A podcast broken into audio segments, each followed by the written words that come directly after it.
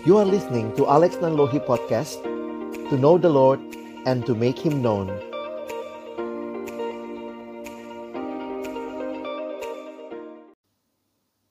Jemaat yang dikasihi Tuhan, mari berdoa sebelum kita membaca merenungkan firman Tuhan.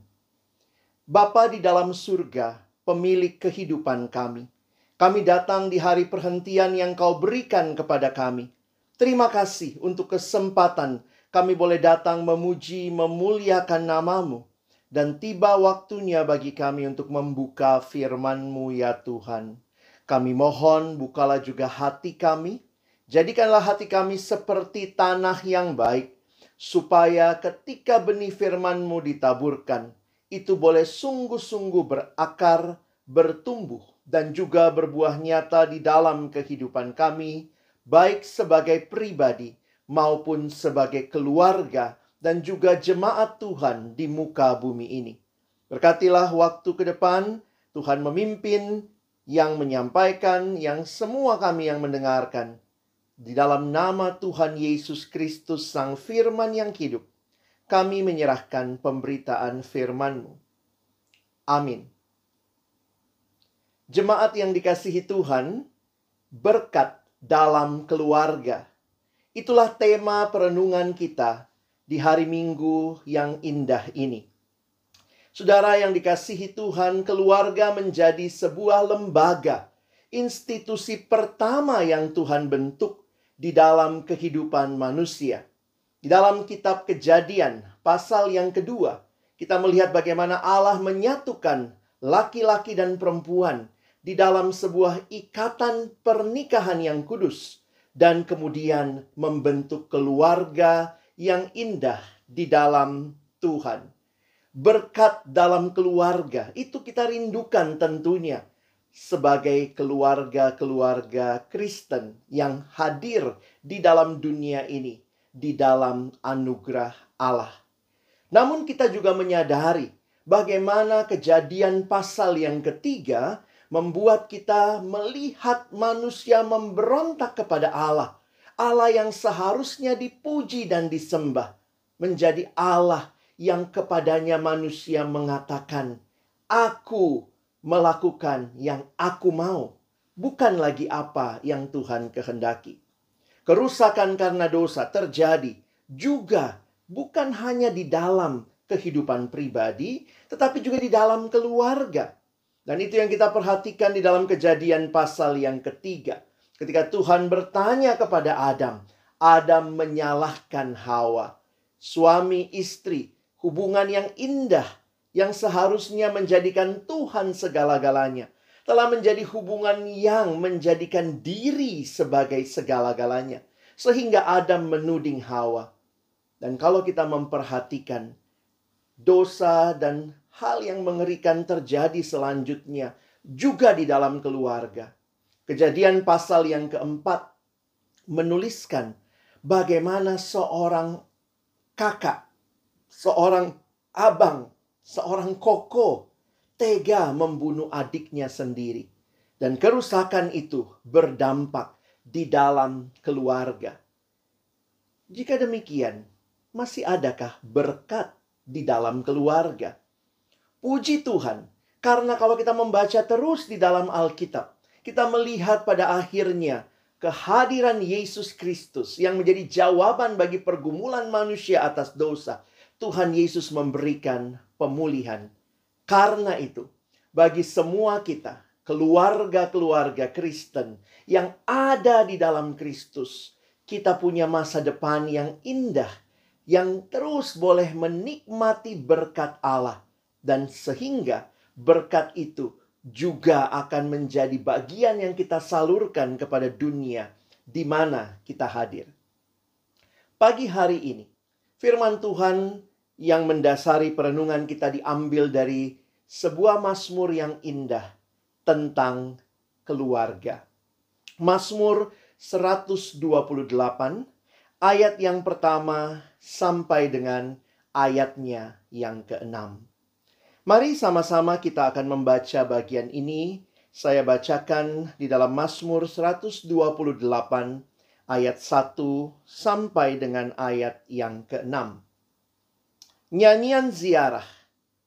Berbahagialah setiap orang yang takut akan Tuhan, yang hidup menurut jalan yang ditunjukkannya. Apabila engkau memakan hasil jeripayah tanganmu, berbahagialah engkau dan baiklah keadaanmu.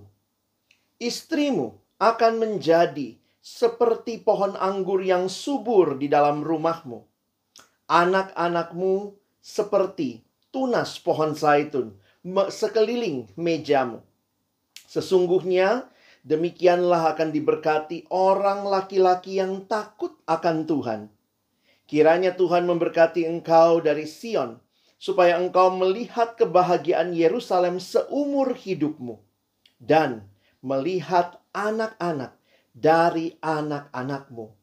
Damai sejahtera atas Israel.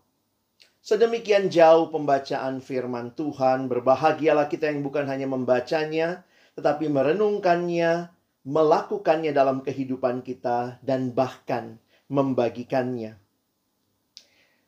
Jemaat yang dikasihi Tuhan, Mazmur yang indah ini menyatakan berkat Tuhan. Kita akan melihat dalam dua bagian. Bagian yang pertama di dalam ayat 1 sampai 4 ini adalah berkat Tuhan secara khusus di dalam atau atas keluarga. Dan nanti kita akan melihat juga ayat 5 dan 6 adalah berkat Tuhan atas bangsa. Sehingga kita bisa melihat Mazmur yang singkat ini sedang membicarakan berkat yang Tuhan berikan atas keluarga dan bangsa. Dan hal yang menarik kalau kita melihat bagian ini ini adalah sebuah nyanyian ziarah. Nyanyian ziarah biasanya adalah yang dinyanyikan oleh orang-orang Israel yang sedang berziarah ke Yerusalem. Satu tahun tiga kali, laki-laki dewasa Yahudi biasanya akan kembali ke Yerusalem untuk melakukan ibadah. Dan nyanyian-nyanyian ziarah ini yang biasanya mereka nyanyikan, lagukan sepanjang perjalanan ziarah itu. Mazmur ini adalah sebuah mazmur pengajaran atau juga yang disebut sebagai mazmur hikmat yang memberikan kepada kita apa yang penting untuk diterapkan dalam kehidupan sebagai umat Allah. Ada penafsir yang bahkan mengatakan bahwa nampaknya mazmur yang indah tentang keluarga ini juga menjadi mazmur yang biasanya dibacakan di dalam upacara pernikahan pada masa itu di kalangan orang Israel. Mari kita akan melihat berkat Tuhan ini. Yang pertama terlebih dahulu berkat Tuhan bagi keluarga ayat 1 sampai dengan ayat yang keempat. Mazmur 128 ini memberikan sebuah kunci berkat bagi rumah tangga. Nyata sekali di dalam ayat yang pertama. Berbahagialah setiap orang yang takut akan Tuhan, yang hidup menurut jalan yang ditunjukkannya. Perhatikan di dalam ayat yang keempat diulangi lagi. Sesungguhnya demikian akan diberkati orang laki-laki yang takut akan Tuhan. Jika kita memperhatikan bagian ini, maka jemaat yang dikasihi Tuhan, kunci berkat dalam keluarga adalah sebuah kehidupan yang takut akan Tuhan. Takut akan Tuhan bukan berarti ketakutan, tetapi berarti sebuah sikap hormat, sikap tunduk, sikap kagum kepada Tuhan. Sehingga ini menjadi sebuah sikap yang mempengaruhi kehidupan untuk tidak hidup seenaknya, untuk tidak hidup sembarangan, tetapi orang yang takut akan Tuhan, orang yang menghormati Tuhan di dalam kehidupannya. Demikian juga keluarga-keluarga Kristen, keluarga-keluarga yang diberkati, yang berbahagia adalah keluarga yang takut akan Tuhan. Apa artinya? Keluarga yang hidup menurut jalan yang Tuhan tunjukkan dengan kata lain, keluarga bahagia adalah keluarga yang hidupnya sesuai dengan prinsip-prinsip firman Tuhan dan yang menerapkan prinsip-prinsip itu di dalam kehidupan sehari-hari. Jemaat yang dikasihi Tuhan, betapa indahnya gambaran ini. Mari sama-sama kita mendoakan sambil kita merenungkan bagian demi bagian. Kita mendoakan agar kiranya di dalam keluarga kita juga Tuhan menggenapkan keindahan ini. Yang pertama di, bagian ayat 2 dan 4 yang kita perhatikan adalah gambaran tentang suami. Jadi kita akan melihat bagian demi bagian dari keluarga yang diberkati Tuhan, keluarga yang takut akan Allah. Di dalam ayat 2 dan 4 ada janji berkat kepada suami. Apabila engkau memakan hasil jeripayahmu, berbahagialah engkau dan baiklah keadaanmu. Itu juga yang ditegaskan di ayat 4. Sungguh sesungguhnya demikianlah akan diberkati orang laki-laki yang takut akan Tuhan. Jadi orang yang takut akan Tuhan, suami yang takut akan Tuhan adalah orang yang hidup di dalam perjanjian berkat dengan Allah. Maksudnya, dia bukan hanya hidup sekadar dari apa yang dunia sediakan, tetapi pengakuannya adalah semua yang dia terima sumbernya dari Allah. Itu berkat yang disediakan oleh Bapa Surgawi. Bila Tuhan berkenan pada kehidupan seseorang karena ia mentaati firman-Nya, maka ia akan menerima upah sebagai imbalan dari jeripayahnya bekerja di kantor atau di perusahaan tertentu atau dari usaha yang dilakukan. Bukan hanya sekadar dari hal itu, tetapi ia justru akan menerima berkat dari Tuhan yang jauh melampaui apa yang dipikirkan oleh manusia atau melampaui apa yang sanggup di lakukan atau dicapai manusia. Itulah wujud kebaikan Tuhan yang dilimpahkan atas orang-orang yang takut akan Dia.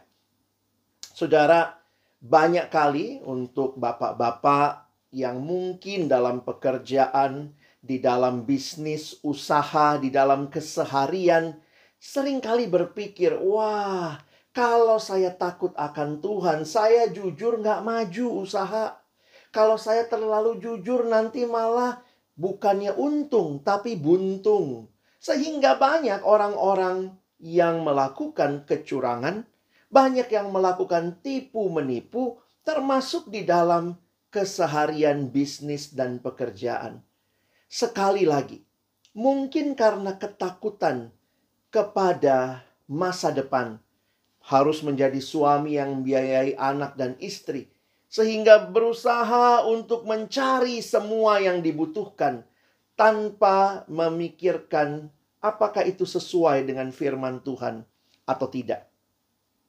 Bagian ini mau mengingatkan kepada kita, Tuhan sumber berkat, dan berkat itu kita terima ketika kita hidup takut akan Tuhan. Jemaat yang dikasihi Tuhan, mungkin karena kita hidup taat kepada Tuhan, mau melakukan kehendak Tuhan, sering kali ada jalan-jalan usaha kita yang tertutup.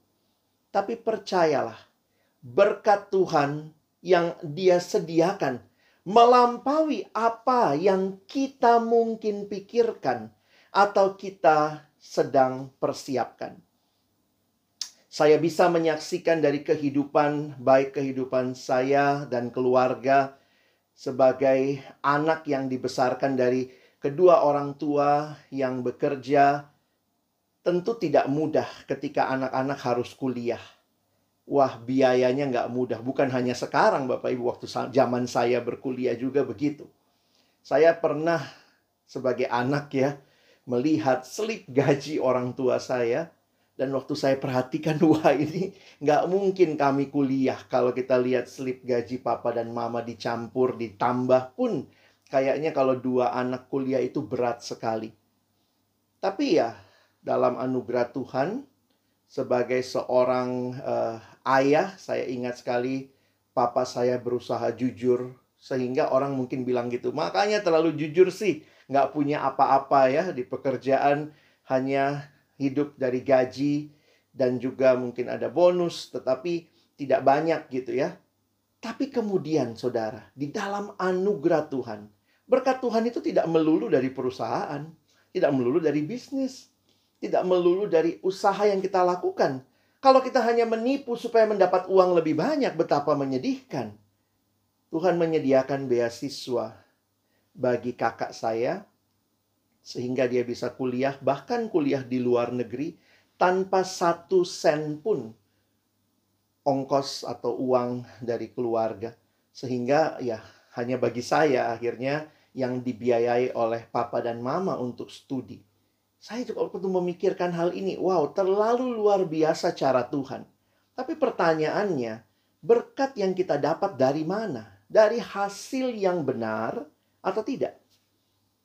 Sehingga kalau kita memperhatikan apakah kehidupan kita sebagai suami khususnya, orang laki-laki yang bertanggung jawab terhadap kehidupan keluarga, sudahkah kita membangunnya di dalam kebenaran?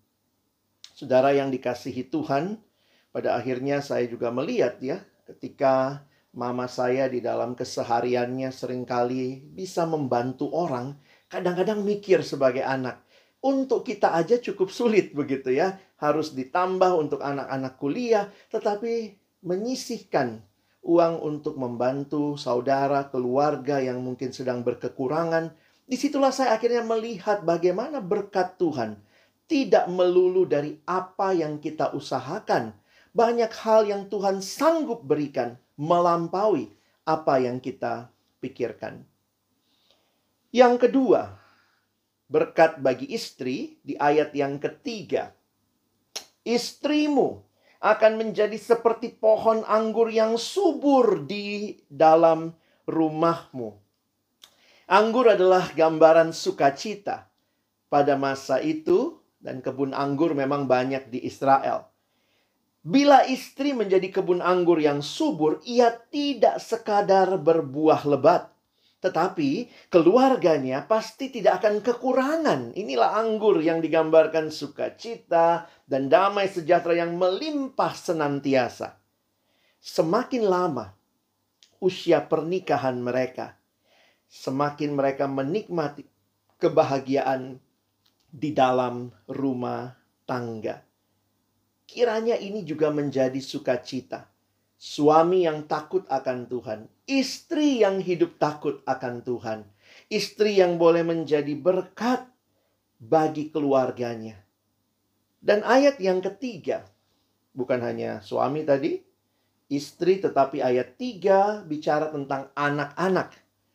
Anak-anakmu seperti tunas pohon saitun sekeliling mejamu ini adalah gambaran sebuah kehidupan yang penuh kekuatan dan energi. Pohon saitun adalah pohon yang kuat dan tidak mudah roboh. Anak-anak akan kuat dan kokoh dalam iman karena mereka telah melihat teladan yang baik dari kedua orang tuanya di dalam melakukan firman Tuhan. Dengan demikian, mereka tidak mudah diombang-ambingkan oleh berbagai penyesatan di zaman ini. Jadi anak muda generasi ini, saya pikir semua generasi punya tantangannya sendiri. Tapi di generasi ini kita melihat pengaruh negatif begitu masif, begitu gampang diakses, begitu mudah. Apalagi dengan perkembangan teknologi informasi. Kita hidup dalam dunia yang semakin gila, semakin merajalela kebusukan, narkoba, free sex, pornografi. Pertanyaannya, bagaimana kita menyiapkan anak-anak kita, generasi masa depan. Generasi masa depan bukan hanya buat keluarga, tapi juga buat gereja. Maka perhatikan, takut akan Tuhan, mendidik mereka. Maka anak-anakmu seperti tunas pohon saitun sekeliling mejamu. Yang akan kokoh dan kuat, tidak mudah roboh di dalam tantangan pengaruh zaman ini. Jemaat yang dikasihi Tuhan, betapa indahnya gambaran berkat atas keluarga yang takut akan Tuhan. Suami yang akan menikmati berkat Tuhan yang memelihara hidupnya. Istri yang terus menjadi sukacita bagi keluarganya dan juga tentunya bagi orang-orang di sekelilingnya. Dan anak-anak yang akan kokoh berdiri teguh di tengah segala tantangan. Kuncinya, berkat Tuhan adalah hidup yang takut akan Tuhan, hidup di dalam jalan-jalan Tuhan. Di dalam Kristus, inilah relasi yang dibaharui. Jika kita membaca kitab Efesus pasal yang kelima dan Efesus pasal yang keenam, Jemaat bisa mencari dan menemukan bagaimana indahnya relasi ini dibaharui di dalam Kristus. Istri dikatakan tunduklah kepada suamimu seperti kepada Kristus. Suami dikatakan kasihilah istrimu. Anak kepada orang tua, anak harus hormatilah orang tuamu, taatilah mereka. Dan orang tua kepada anak, dikatakan jangan bangkitkan amarah dalam hati anak-anakmu. Dan tanggung jawabnya adalah didiklah anak-anakmu di dalam ajaran dan nasihat Tuhan. Inilah gambaran keluarga yang di dalam Kristus kita dibaharui. Saudara yang dikasihi Tuhan memang tidak mudah karena sering kali hidup keluarga itu termasuk pergumulan yang sulit. Seorang dosen yang pernah saya ambil kelasnya, psikologi mengatakan kalimat yang menarik. Bahwa orang yang mungkin menyakiti kita justru adalah orang yang dekat dengan kita. Begitu ya? Coba Bapak Ibu pikirkan misalnya satu minggu ke belakang. Adakah Bapak Ibu yang disakiti oleh Presiden Amerika Serikat Wah, misalnya begitu ya. Oh, terlalu jauh yang menyakiti kita, yang dekat dengan kita. Mungkin suami kita, istri kita, pasangan kita, anak-anak kita, orang tua kita. Jadi memang ketika hidup dekat dan berelasi, apalagi di tengah-tengah suasana pandemi, sering kali tinggal di rumah, banyak gesekan yang terjadi ini menunjukkan betapa kita makin membutuhkan anugerah Allah untuk boleh mengalami kehidupan di dalam Kristus yang di dalam Yesus ada nasihat, ada kasih, ada pengampunan dan ini semua Tuhan sediakan bagi kita. Mari kita mulai di dalam keluarga kita. Menikmati berkat-berkat Tuhan, belajar untuk percaya ada pemulihan di dalam Tuhan pemulihan relasi suami istri, relasi orang tua anak, relasi-relasi yang di dalamnya kita membutuhkan pengampunan, saling terbuka, saling berbagi. Jemaat yang dikasihi Tuhan, inilah berkat Tuhan bagi keluarga. Dua ayat terakhir bicara berkat Tuhan bagi bangsa. Kalau perhatikan, Kiranya Tuhan memberkati engkau dari Sion, supaya engkau melihat kebahagiaan Yerusalem seumur hidupmu. Ini berkat atas umat Israel secara khusus pada waktu itu. Dan bukan hanya generasi itu. Perhatikan ayat yang ke-6. Dan akan melihat anak-anak dari anak-anakmu. Damai sejahtera atas Israel. Jemaat yang dikasihi Tuhan, apa yang dimaksud dalam bagian ini?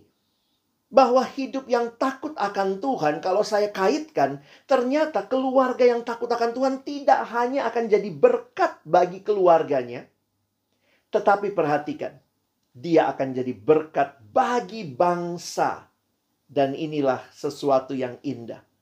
Tuhan tidak hanya memberkati keluarga kita, supaya kita menikmati berkat Tuhan, tapi Tuhan memberkati kita supaya kita bahkan menjadi berkat bagi bukan hanya bagi keluarga, bagi tetangga, tetapi bagi bangsa. Sehingga kalau Bapak Ibu Saudara jemaat yang dikasih Tuhan memperhatikan, keluarga menjadi unit terkecil dari sebuah bangsa. Jadi bayangkan, kalau keluarga hancur, semakin banyak keluarga hancur, itu sebenarnya tanda-tanda kehancuran sebuah bangsa. Tetapi sebaliknya, Ketika keluarga hidup benar, takut akan Tuhan, suami, istri, anak-anak, maka itu akan menjadi kontribusi yang luar biasa bagi keutuhan, ketahanan, ketangguhan sebuah bangsa. Saya mencoba merenungkan bahwa ini menjadi bagian bagi orang Kristen seharusnya. Ketika kita membangun kehidupan keluarga yang takut akan Tuhan, itu kontribusi besar bagi bangsa ini. Dan indah sekali, bukan hanya bagi bangsa ini sekarang, tetapi bagi generasi yang akan datang, akan melihat anak-anak dari anak-anakmu. Ini sebuah berkat yang berkelanjutan yang bisa kita pahami ketika ada keluarga-keluarga yang hidup benar. Tuhan memberkati bangsa saat ini, bahkan juga bagi generasi ke depan. Karena itulah dalam sebuah kutipan Paus Yohanes Paulus II almarhum mengatakan dalam bahasa Inggris, "As the family goes, so goes the nation, and so goes the whole world in which we live." Demikianlah ketika keluarga itu berjalan tentunya dengan baik dalam takut akan Tuhan, demikian juga akan terus ada keberlangsungan sebuah bangsa dan bahkan dunia di mana kita hidup. Bapak Ibu Saudara yang dikasihi Tuhan, hari ini kita melihat berkat Tuhan atas keluarga. Tetapi ingatlah, tidak pernah Tuhan hanya memberkati keluarga demi keluarga, tetapi akhirnya menjadi kontribusi yang indah bagi masyarakat dan bahkan bangsa. Mungkin Bapak Ibu pikir, wah Pak Pendeta terlalu ideal gambarannya. Suami saya masih suka bohong. Suami saya mungkin masih melakukan ini itu. Yang suami bilang, istri saya Pak Pendeta boro-boro jadi sukacita. Cerewetnya luar biasa. Istri saya marah-marah melulu. Mungkin anak-anak bilang, saya nggak lihat teladan yang baik dari papa mama. Orang tua juga bilang, ini anak-anak nggak tahu diri, anak-anak zaman sekarang kurang ajar. Saudara, apakah ini menjadi sebuah hal yang harus kita biarkan? Kiranya firman Tuhan hari ini mengevaluasi kita. Kita tidak menuding. Tuh dengar, kamu istri itu dengar. Istri bilang, tuh suami dengar, itu khotbahnya buat kamu. Ini semua untuk kita mari evaluasi terlebih dahulu hidup kita dan menyadari bahwa Tuhan sekali lagi memberi kesempatan untuk kita hidup benar, hidup takut akan Dia. Dan karena itu, mulai dari diri kita, mulai dalam relasi yang dipulihkan dalam keluarga kita, saling mengampuni, saling mengasihi. Tidak ada dari kita yang sempurna, tetapi di dalamnya kita semua bertumbuh di dalam keserupaan dengan Kristus. Berkat Tuhan, Tuhan mau curahkan bagi hidup keluarga jemaat yang dikasihi Tuhan.